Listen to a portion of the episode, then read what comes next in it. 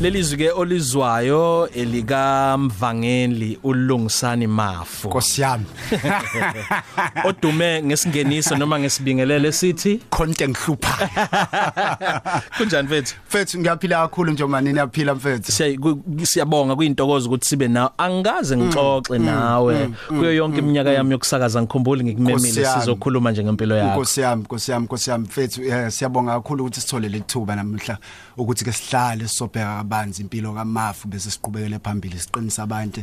Abanye abalaleli emakhaya. abanye bake ba- bakuzwe eh, ukhuthaza endaweni eziningi ezahlukahlukene emajele noma ukhuthaza abantu abasha noma Yes, sir. ukhuthaza eh, ama drug addicts abanye bakubonile ebandleni eThekwini Nkosi Community yami. Church la Yeah, usubmit kubaba khona uDube. Yes. abanye bakuzwile futhi wenza motivation ohlelweni Khona la evuka uKhosi mzansi yami. Yeah, kodwa yeah, kube yeah. nesikhathi cishe esingaphezudlwana konyaka la khona kuke kwathuleka sangezwa lutho kwangazwakala. ngomafu Mm, bekwenzakalani mhlambe mfethu sizogxila kuloko ka- kafishane eh sizokuthinta lokho ukuthi ke okuyikona okusiholela ekutheni namhlanje sizokhuluma kabanzi ngakho mfethu. Ngeke ngadlula esimweni esithi asingabi sihle kahle. Eh ngawo kulomkhakha weyidakamizwa we understand Yep. sizokuthinta nje masiqhubeka kuphela neshow mfethu ukuthi sikwazi ukubona ukuthi ene ayakwazi ukuthi ama drugs umuntu mfethu amenza anyamalale ekhona. Amenze aphele endaweni amenze abe dysfunctional am- amenze lose focus we understand okuyinto eyenzakalile kimina mfethu. Ngaphambi kwalokho ke nje mfethu sifisa ngoba ngoba nakho sengishilo ukuthi asikaze sibuze ubufakazi bakho. Ngiyazi ukuthi kwezinye indawo kwezinye inhlelo eh uke wabethula lobo bufakazi. Kodwa sifuna ukwazi ukuthi ke usuke phi wena mhlawumbe uqala usitshele ukuthi uzalwa kuphi ngoba uyinsizwe ebukeka isinca isancane yona kodwa yona yona iminyaka isithe ukuthi ukuhamba hamba. Kithina sobabili ke kodwa.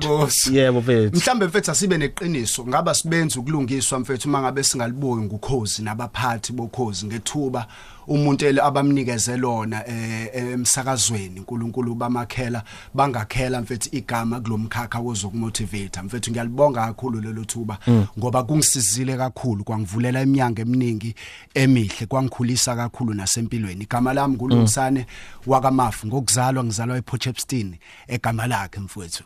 Oh ngwasegama lakhe? Kwasegama lakhe. Oh, okay. South Coast. All right. Ukufunda kwakho ukungena kwakhe ejele kwenzakalani?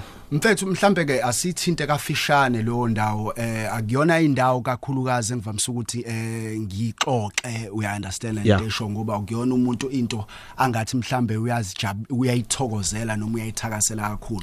Kodwa ngivamisile ukuyikhuluma ngayo uma ngabe izosiza enye impilo yomunye umuntu uya understand eh anginalo irecord elihle when it comes to ukufunda we understand eh ngoba ngisiqedanga isikole Yeah. yabo? So ngithema ngikhula mfowethu ngakhula e- e- emndenini ongamuhle kahle ngashonelwa umama ngisemncane we understand Yeah. and show yabo so izimo ezicishe zifane thina ndle emnyama kakhulu kazi we Yeah. understand eh ngikhule esimweni esingasihle kahle we understand eh to an extent la ngibese ngize ngigcina ngingena ejele ngenxa ukuthi ngasheshe ngangena entweni yopolitiki ngisamncane eh ngingena ngingazi nakhona kahle yagcina ishintsha iba ubugebengu you understand?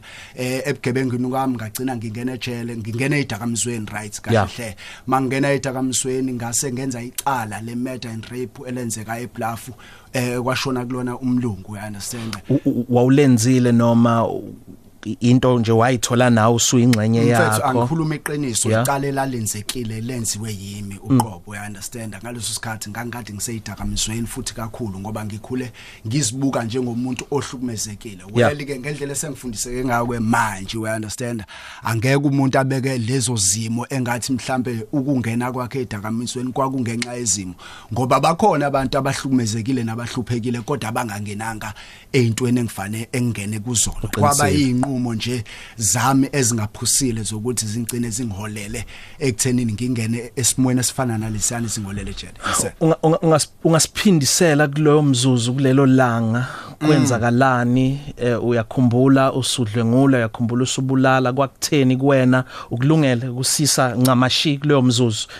Nezinto ezenzeka? Mm, mm, ngeke sigxile sizodlula nje Sizodlula nje. yes yes kwaku September 11 1999 ngiyakhumbula kwakuyisebluff sasiphuma somewhere eh ngiphelezela omunye wabangani bami eh ngithe mangabe imphelezela mfethu endleleni sase sihlangana nalo wesifazane sengimbekile umfowethu you understand eh nga- nga- ngiyakhumbula na kwi parole board bazama ukuthi ngiyichaze lento ngase ngiyasho ukuthi even nanamhlanje ngiyahluleka ukuyichaza you understand ngoba yonke into yenzeka so fast you understand kangangokuthi even mina myself i couldn't believe it mase ngikhonjiswa ithombo ukuthi ene nanga umuntu ombulele you understand wena ulimazela umuntu kanje kanje kanje kanje you understand and they sure. So nanamhlanje ngisahluleka kahle kahle you understand ukuthi mhlambe kucishe kube lulo omunye umuntu mebuza kungafani nami kusuke ngifanele ngichaze you Yeah. understand ukuthi mina lesasimo even today you understand ngiyahluleka ukusamkela ukuthi senzeka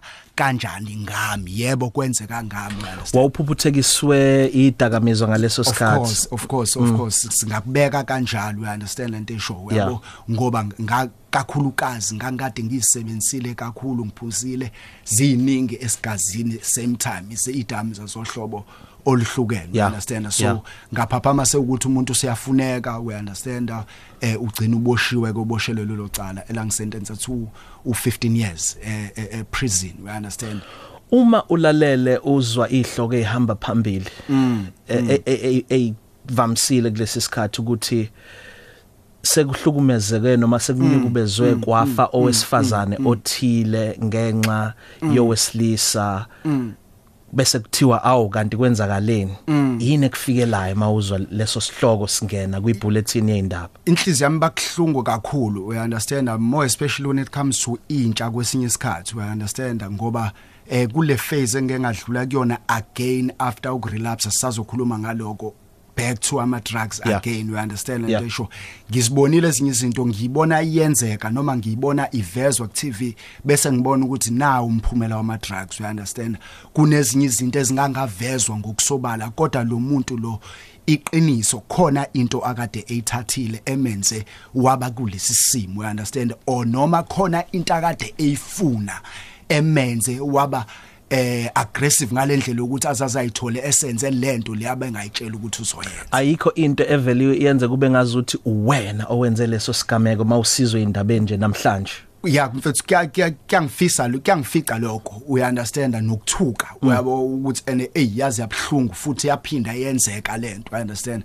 Bese ke mhlambe ke kuyangisiza ukuthi ke eh njengoba ngizela ngize njengomuntu ngize futhi njengomuntu kaNkuluNkulu kuphinde kungisize ukuthi umuntu unale element anayo ukukholwa. Uya understand ekwazi ukuthi iphinde kulaphe ngaphakathi ukuthi no wena okwakho sekudlulile no okwakho sekudiliwe nako uya understand wena so ukuthi uqhubeke nempilo yephambili wangena ke ejele wahlala isikhathi nganani kwenzakalana uphakathi? Mfethu eh ngi- ngisejele ngidoke for 3 years. Eh ngithe sengidroke for 3 years. Okusayicala. Kusayicala we understand attend ama supreme court eh, udoke kuphi? ngidoke khona la eWestville yabo? Because ngaleso sikhathi ngangena ngijuvenile bazama ukuthi bangikhulise ukuze bangisentense kahle seng over 18 ngoba ngangikade ngila u16 eh ngaleso sikhathi kwenze icala.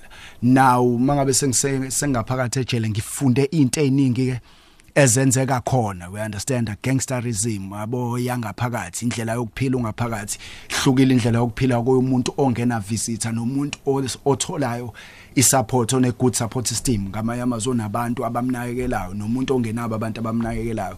Uma ungenabo abantu abakunakekelayo kulula ukuthi uziengage noma uzifake eyintweni ezikhona lapha ngaphakathi ngamanye amazwi zokuthi uzame ukuthi nawe uqhubeke uphile njengomuntu ngamanye amazwi Yeah. ungabi nakho ukuhlukumezeka. It's either inombolo bayibiza kanjalo inombolo 2628 kwashawa cimo yabo?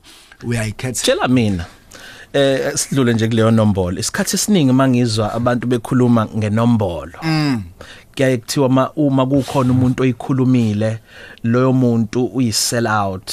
Kulabo abasuke beyifundile abayaziyo abafowethu abasejele basilalele manje. Eh o- okuwukuthi ungafa nokufa.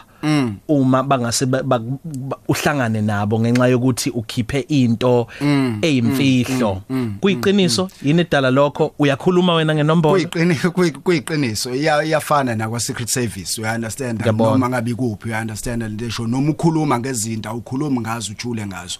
Well mina angifuni qamba manga mfethu ngaba nenhlanhla yokuthi eh angikufihlanga ukuthi uNkulunkulu ungibizile we understand eh, ngoba uNkulunkulu wangibiza khona ejele we understand eh kwazeka kuona igroup engangifola under yona yabo yama 26 ukuthi ene umafu sesindisiwe uyakholwa we understand Yeah. angiyekanga ngoba naku ngibaleka ngiyeke ngoba naku ngificwe ubizo empilweni yami and ngikulungela ukuthi as an agent of change ngishintshe impilo zabantu abaningi so ngiyakhuluma mina ngayo inombolo we understand and Mm. kodwa ungagxili ngoba vele akusenasidingo Ak- akusenasidingo futhi nakhona mangikhuluma ngakho ngikhuluma ngako ngoba ngihlose ukuthi kushintsheke impilo yomunye umuntu. No- nokuqaphelisa lentsha le eyamanje ukuthi ngalesikhathi umarket isitsotsi umarket inombolo ubiza ijele likude kunawe ngoba ufana nomuntu ogqoka iskipa senhlangano kodwa eh eh eh, eh engayisupport leyo nhlangano. Ngamanye amazwi uzithwesa icala ungena cala. So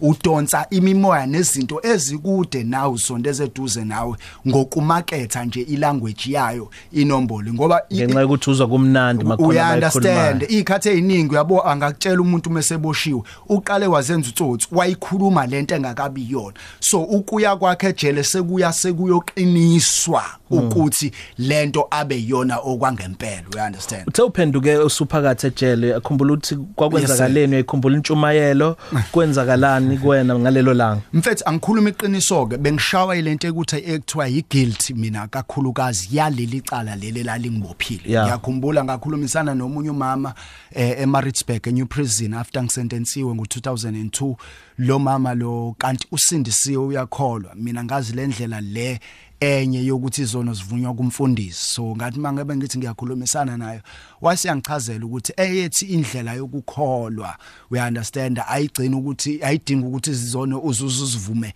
kimi njengomuntu kodwa ukhona umuntu ekuvulwa kuyena izono. Ngiyangikhumbula wazwangikhothela amavesi wathi eh, wang- wang- wangisherela nje esinye istory ayesibhale phansi esikhothe encwadini kaJoyce Meyer eh esasikhuluma ngokuthi uNkulunkulu udetisile nawe izono zakho njenge east to west incwadi kaIsaya we understand. So kulesi story wayiveza ukuthi kunomprofeti kunomfundisi okwakhona umprofeti ebandleni lakhe. Lo mprofeti owumama ukusho ukuthi njalo my prophet lo mfundisi olidayo waba worried ukuthi lo mama uzokhuluma ngeyami inkinga engaziwa umuntu. Wayesiyakuyena lo mprofetikazi ukuthi ambuze ukuthi uthini uNkulunkulu ngami? Ukusho ukuthi wayesethi memsherel wayesethi lo wesifazane wena uNkulunkulu uthe zakhe izono zixolelwe kangange east ihlukaniswe Mpumalanga Mpumalanga, nentshonalanga. understand? So wayesesho njalo nakimi wathi and kanjalo nezakhe izono zixolelwe. So khohlwa indaba ye guilt you understand? So uNkulunkulu wayesengivezela ke ngokukhula kwami ekholweni ukuthi oh konke kusebenzelana kube ngokuhle. Ngamanye amazwi usebenzise lento yokuthi kushone umuntu ongena cala ukuze kuzuzeke mina ongeca onecala. Ingakho mina makukhulunywa le experience yokuthi kwafa umuntu esiphambanweni ongena cala mina ngiyayazi leyo experience ngo- ngo complainant owashona engenacala ukuze kuzuzeke mina nginecala. Ngamanye amazwi ngazuzeka mina true lo wamuntu lo owalahlekelwa umphefumulo wakhe we understand ukuze kusizakale eyami impilo namhlanje. Mingaki iminyaka eh? Fethi no 34 awukhulumi kakhulu ngalokho. Hayi no ngisabi hayi mina- Awusabi. mina ngadalwa kanje mfethu yabo sengaze ngakwamkela ukuthi uNkulunkulu ungibizile as an agent of change. Ezinye izinto abanye abantu abaxoxayo ngazo we understand mina uNkulunkulu ngipha ukudlula kuzona. So yeah. Akwenzeki mfethu uma ukhuluma ngempilo yakho kangaka ugonyuluka kube ngazuthi uzibeka uyazineka kubantu eh kukhona okuthile okukhiphayo mhlawumbe okuzokwenza ukuthi isithunzi sakho sidicileleke nokuhlonishwa kwakho kungabe kusaba ngaleli zinga. Kuyiqinisele ngephiko mfethu eh ukuthi kuyenzeka ufile kanjalo njengomuntu. Kodwa ke njengomuntu kaNkuluNkulu mfethu lithi iBhayibheli qiniso siyakulazi qiniso liyakusikhulula. Bese libeke ngokusobala futhi khona kwabase Roma u- uPaul mengabebeka uthi umsebenzi yobunyama nidalule ayikho enye indlela mfethu yokukhululeka kulezi zinto ezifana nalezi mawudlula kuzona enamandla njengokuthi uyikhulume ngayo into ngoba into mangabe uyifihlile ikudla kakhulu. Futhi nokuphulukiseka kuyona ukuphuma kuyona kuba nzima ngoba manje usuke u- u- uwazi wedwa. Kanti mangabe uyidalulile ukuyidalula ngikufundile ukuthi kuyakubopha ukuthi uzisize ukuthi uhambe uqaphele ngoba uyazi ukuthi kuyazeka. Kufana nomuntu ophumela obala athi mhlambe istate sami sami- sami sinje uyakwazi ukuphila kangcono kunomuntu ozifihlayo ukuthi istatus sakhe mhlambe sinje. Sinje. Yes, sir. mfethu uthe wawunenkinga uhlushwa ukuzisola iguilt nokuyilahla ngecala ngenxa yesenzo eh, sakho. wamukela ke uJesu wabizwa Yes, sir. ngomntwana waNkuluNkulu wafinyelela yena ekutheni wamukele ukuthi uNkulunkulu sekuthethelele ngokuphelele. Uphinde futhi nawe uzixolele. Wa- wa- wakwenza yini mhlawumbe ukuthi uyofuna imndeni yaloyo owaswelekayo khona uzocela uxolo? Mhlambe ke mfethu asiqale ngokuvuma ukuthi ene ukushintsha mfethu akuyona into mhlambe eh eh eh, singayibenga event you understand into eyiprocess akusiwona nje umcimbi. ya kusiwona umcimbi yes you understand ngamanye amazwi kuba into eyinqubeka eqhubakalayo you understand so akubanga ukuthi uma ngisindiswa uyabo ngaleso sikhathi bese kuvela ukuthi yonke into iyashintsha. Kube nokuthi mina fanele ngikuvume ukuthi ngikwamkele ukufunda kabanzi ngezwi likaNkuluNkulu futhi ngikwamkele ukuthi lokho elikushoyo kuyiko ngikukholwe ngamanye amazwi ngisizwe kakhulu mina izwi likaNkuluNkulu ukuthi ngikwazi ukuzixolela you understand bese ngikwazi nokuqhubeka nanempilo ke iyodwa ngamanye amazwi ngikwazi ukubona ukuthi ene sengiyakwazi ukuthi Manje ngifuna nempilo. ukuya Yeah. sibuyele ke kuloko ukuthi mfowethu ke singibizamile yini ukufuna eh laba abaka mhlukunyezwa we understand? Yes mfowethu mangabe ngi before uphume eprison kunento abayenzayo iparole board Yeah. iyayikunikeza ithuba lokuthi zama ukwenza ukuthi uzihlanganise no complainant ingakho bene program ekuthiwa i victims offender dialogue we understand? Ngamanye amazwi bazama ukuhlanganisa eh abenziwa nabenzi we understand? Ndawonye ukuthi kuxoxiswane. So ngazama mina ukubafuna abamngangabathola we understand? Eh sekuthiwa abasuka eBluff baziba eCape Town yingakho ngaze ngakhipha iDVD eyayithi change is possible. Ngiyakhumbula ukuthi kulo DVD nawu ngangiyikhipha ngangiyidedicatele kahle hle ekuthenini ngixolise kubona noma ngabe bakuphi we understand? Ngamanye amazwi noma kuthiwa ngikwazi ukufinyelela kubona nokubathola. Cabanga lokho ngikwenza sengiphumile nase prison ngikwenza lokho sengidlulile vele nasesigabeni sami sengisiqedile. Kodwa ukubafuna ngaqala ngisakhona eprison. Mm. sitshele ke mfethu usuyakhonza ngaphambi Yes, sir. kokuthi uphume niyakhonza lapha phakathi ejele. Kukhonzwa kanjani ejele? Zikhona nje inkonzo namanje njoba kuyisonto akhona ama home cell abafethu inodadewethu noma bethu nobabethu abas- ababethu abasilalele ngabe bayakwazi yini ukuhlanganyela njengana noma ibapha abazalwana abangaphandle yes sir. Yeah. yeah. kade wa- wayisho kade sixoxa nomunye umfundisi omngane wami ethi uhleze ensukwini engibuza ngendaba yakho ne prison ngithi mina i prison ayifuni sithathe njenge prison mina ngathi siya nje eziboshweni we understand? Abantu abona. Mangabe sithi siya laphana siyoshumayela azi ukuthi kukhona abantu abakholwayo laphana. Laphana bahlelekile kune church board we understand? Ngamanye amazwi bahlelekile ba organized uyabo lonto indlela yabo yokukhonza yabo. Nokukhula ke ukukholweni ingakho bekwazi ukuthi kukhiqizeke abantu abavutha. Ngamanye amazwi sengikhuluma ke nje be- beyibosho bewumphakathi wangaphakathi bebodwa. Bayayazi insindiso insindiso ukukholwa. Bayakwazi lokwethu ma charismatics bayakwazi we understand? Nokwahlukahlukene. Nokwahlukahlukene ke Kwamahlelo, kwamahlelo we understand? Ngoba alukho uhlobo lwehlelo esingalutholi we understand lento esho ngithinta lokhu Kwakho. yes yes so ngamanye amazwi yes ngokuhle ngokuhlukana nje kwamahlelo kuyakhonzwa mfethu. Esingakusho lokho. Wahlangana kanjani ke ukuthi nize nibe nobuhlobo nomfundisi uvusa idube nebandla eThekwini Community Church? Mfethu ngiyakhumbula ke eh ngiqala ukumbona ngibona ku 2005 mangabe efikile lapha nawe kwakuyi outreach ministry ngambona ngisangaphakathi futhi ke ngoba ngakade ngisedonsa 15 years from 2002 ngaze ngaphuma u2010 mina ngimbona u2005 efikile kuyi outreach mana utoke emthathu? Eminyaka from 99 ebese yesigwebo yaba mngaki yaba nga- ngasentence u15 years ngadonsa u8 years 6 months. Months okusho ukuthi kube u11 years. Kube 11 years waphuma ngeparole. ngo-2010 ngiphuma ngeparole you understand? So uNkulunkulu mfethu angifuni uqama manga uyigcinile impilo yami ngaphakathi. Ikhona lento siyayisize kuyihlaya eh ukuthi mhlambe zikhona izinto waphuma ukuthi hey ang- angiyazi ke le mall noma bengingazi ukuthi khona into enje. Ukhona mhlambe umhlaba wathi mawuphuma ubheka wa- kwa- kwawukuthi hey kunezinto namatemu netechnology obungazazi usuyakwazi asikhuluma iqi Yeah. A- a- asikhuluma iqiniso ngicabanga ukuthi igateway yakhiwe ngalesikhathi mina Yeah. eh ngingaphakathi you understand singayi gateway masiphuma mnganami ngiyidlalela Yeah. I understand um, i- ezinye indawo ukudevelopa nje kwe-community yabo ama-robots la bengekho khona umgwaqo kunwebeka kwayo I understand Yeah. ngisho so ziningi izinto nami ngangithuka ukuthi awu sekwaba kanje la Yeah. ikhona engagcina lino KFC mhlambe selaba nenandozi you understand? Bathini la kwakwahla khona amanzi sekwakhiwa imall ICC Right, ila esikhona ri- right right right. So ngahlangana nawo ukuqala ngo2005 ngambonela at a distance.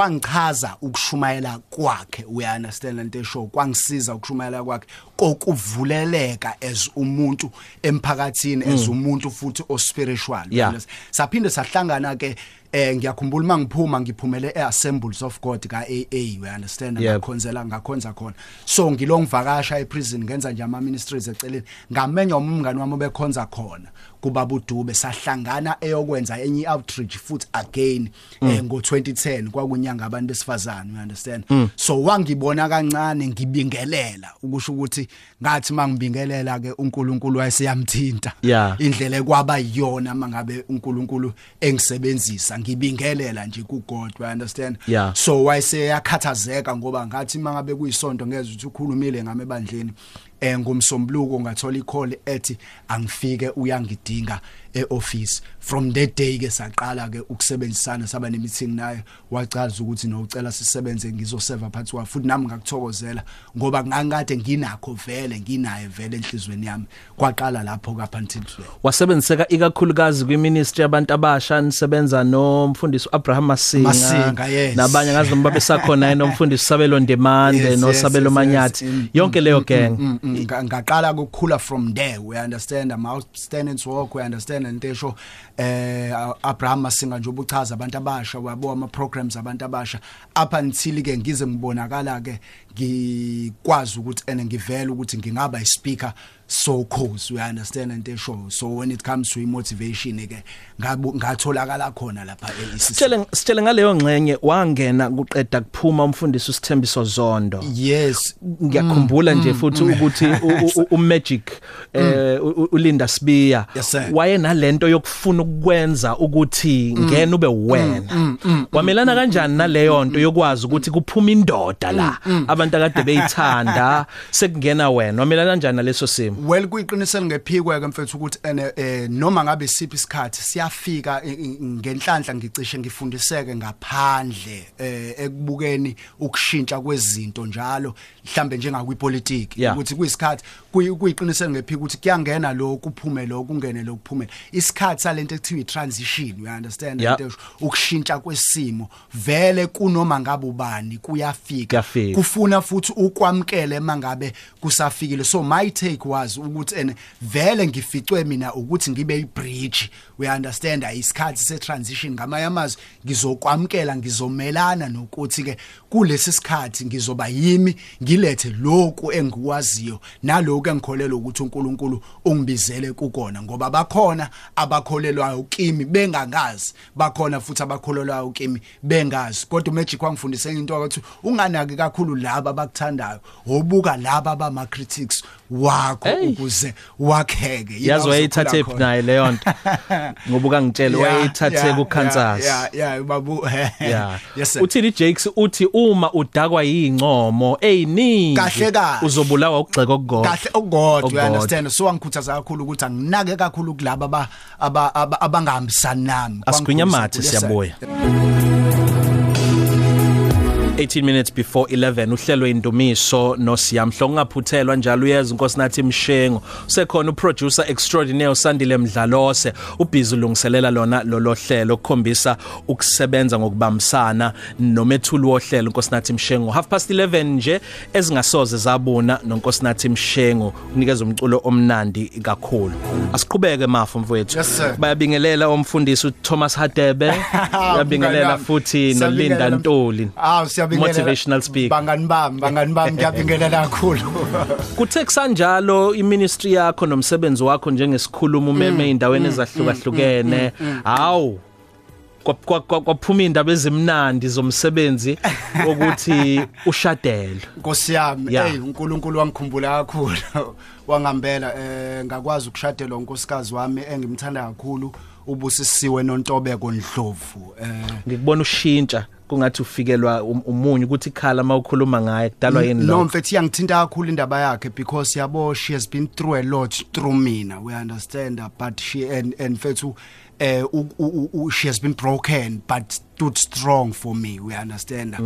umile kanye nami mfethu yabo she has been supportive yabo kakhulu mfethu eh kangangokuthi kungisizile ukuba khona kwakhe empilweni yami. Kwa- kwa- ngiyamthanda kwa- kakhulu. ayibanga bikho izinkulumo mhlambe ezithi ey usengcupheni ushada nebhantinti. Into enjalo nje. mm, mm, mm, mm. ayibanga bikho into enjalo. Uma if- uma kuukuthi yabakhona iyafika kunina nobabili nanimelana kanjani naye? Mm mfethu angifuni uqamba manga eh mhlambe makubile khona bekungafihleka kumina. Makubile khona mhlambe kufikile kena wa- wakufihla yena mhlambe kumina. Kodwa nje kuso sonke isikhathi nje mfethu ukhombise ukuthi wayeyazi into ayenzayo ngoba long before mhlambe ngize ngifike emsakazweni ngize ngibe emsakazweni waba nayo into yokuthi khona into ayibonayo ngami ngiyakude. Ngiyakhumbula amazwi akhe ayisho njalo eh siye kweminye yamsakazo yama community wathi ene khona into engiyibonayo ngawe uNkulunkulu kuyisa kude. Ngiyakhumbula noma mncwane ekhuluma ke emshadweni okhona Yeah. wazi waze wathi ene noma kuthiwa sekwenzakalani ubambelele kulento oyibonile. We understand? So lokho ngiyacabanga ukuthi kummisile kakhulu. Futhi nje ube inspiration kakhulu ke nje kumina we understand? Eh anga- angazi ngambu- ngabusiswa ngalo muntu wesifazane mfethu.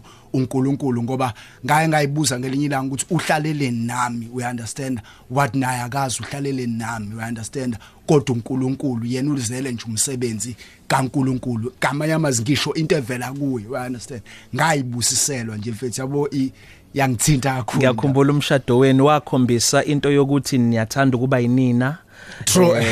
Wasivezela leso sithombe ngoba ngikhumbula kahle nobabili nanifake ama all star Ama All-Star amhlophe. amhlophe, kuleyo yes. suit awufakile kokukhona all star All-Star emhlophe. ezansi. kuleyo ngubo yomshado ayifakile kokukhona all All-Star star ezansi. nakhuthazwa kakhulu ukutheni ibani yinina dlalani niyathandana niyakholwa kodwa nisabancane. Mm, mm, yes yes yes yes yes, mfethu sakhuthazwa kakhulu ukuthi siphile impilo yethu. Well ke impilo esiyiphilayo ke leyo ke ungamangala mase kuthiwa uyasibona sekuhlangene nondodana makuthiwa siya siyadansa ekhaya.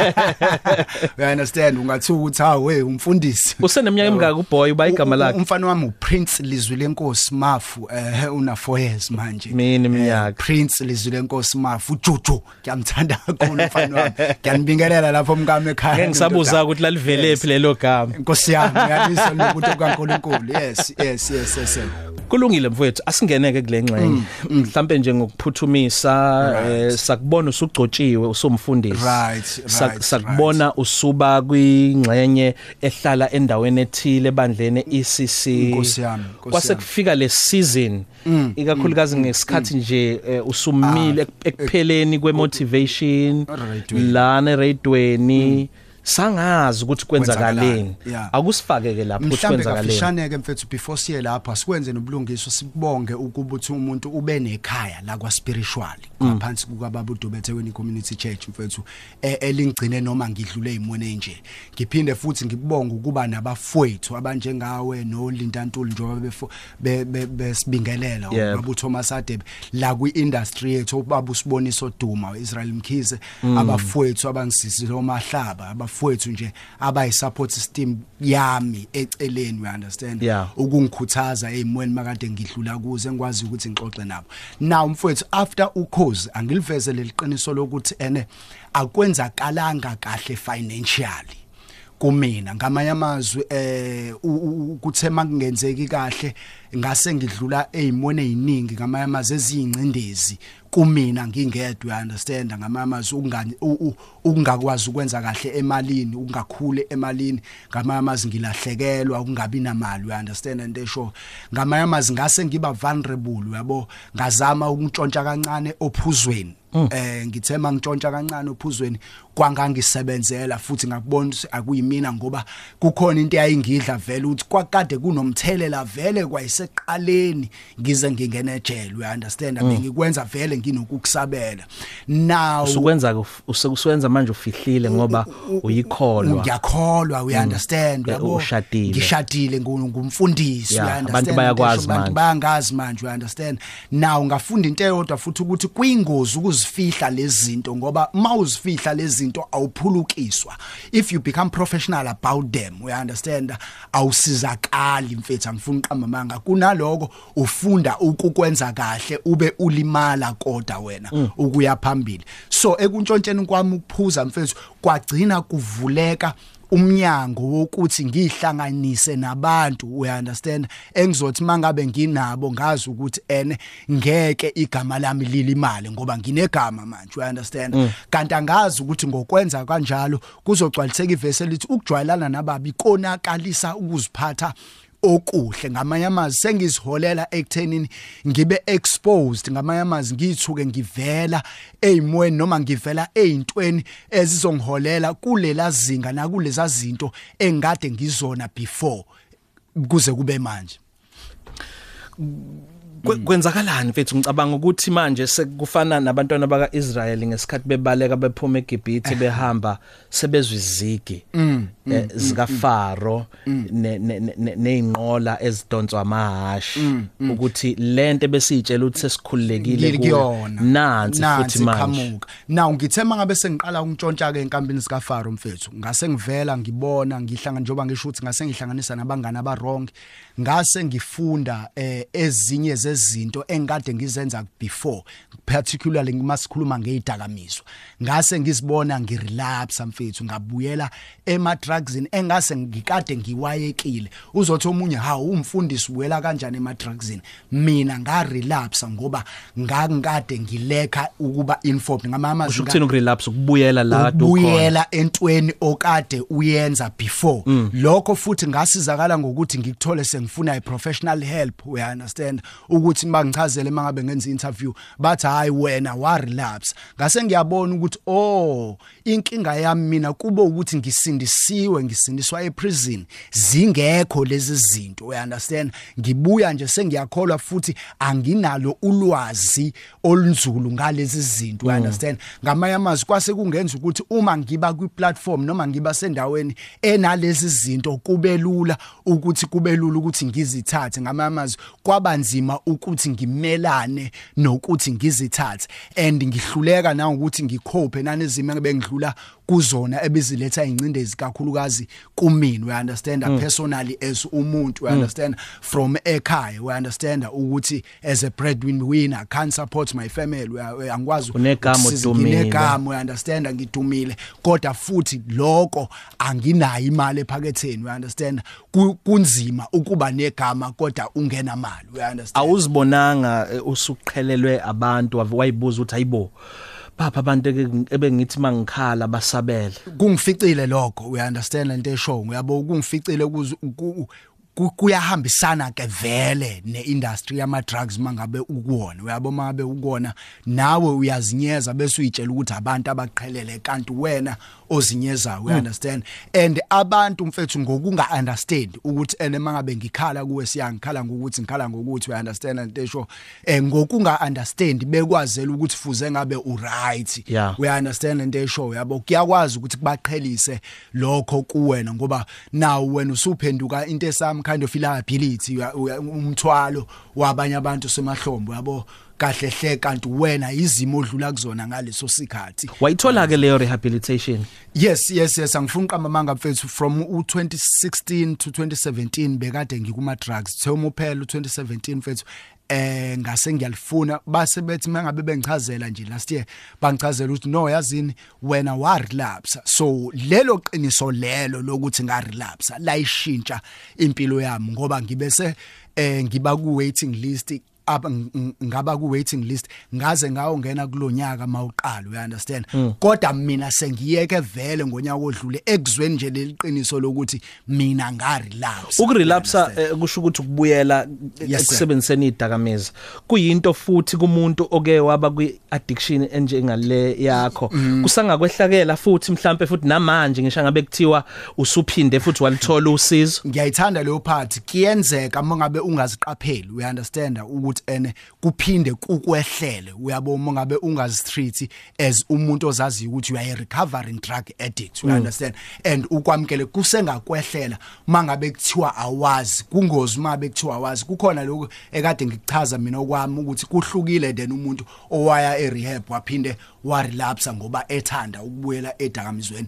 Then umuntu okwaba ukuthi usindisiwe wakholwa noma ushintshe impilo yakhe ngoba eyithathela yena isinqumo noma ngabe ikuliphi ihlelo wayikholelwa understand?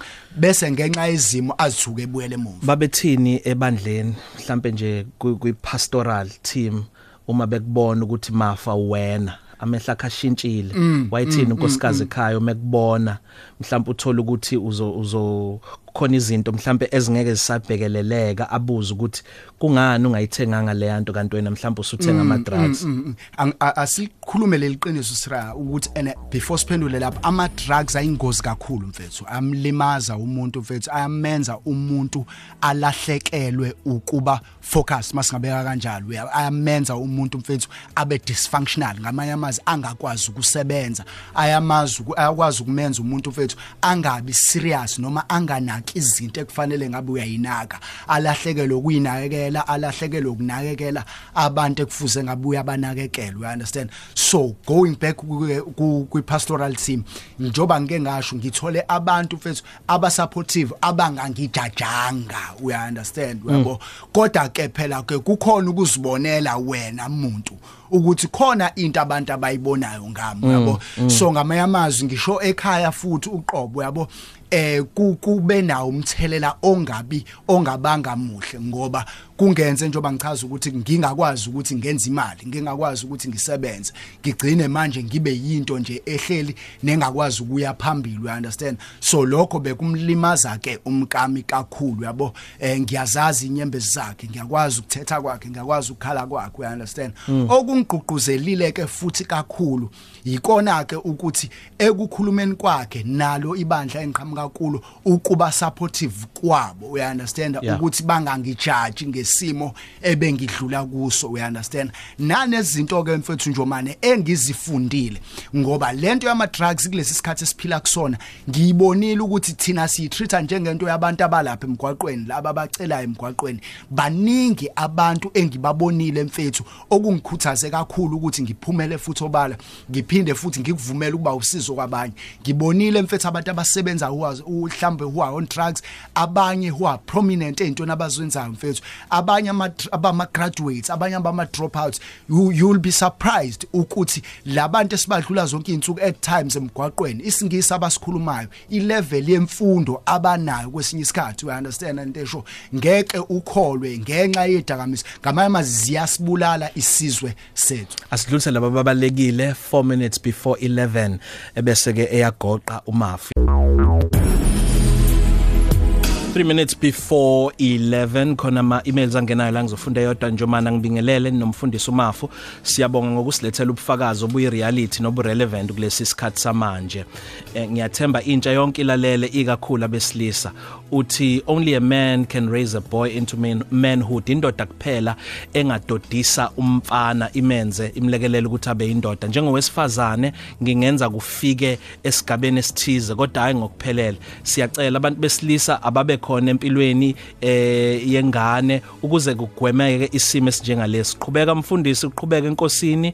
Eh, it's only the grace of God that is sufficient for all of us. Umusa kaNkuluNkulu nje osanele thina sonke. Ngiyabonga umeki Buthelezo seFryhead siyabonga kakhulu umeki mafu mfowethu ngicela uze ngapha asivale mfowethu. Ngifisa ukunikeza nje lemzuzu emibili ngoba ngiyazi nina abavangela nidinga isikhathi eside.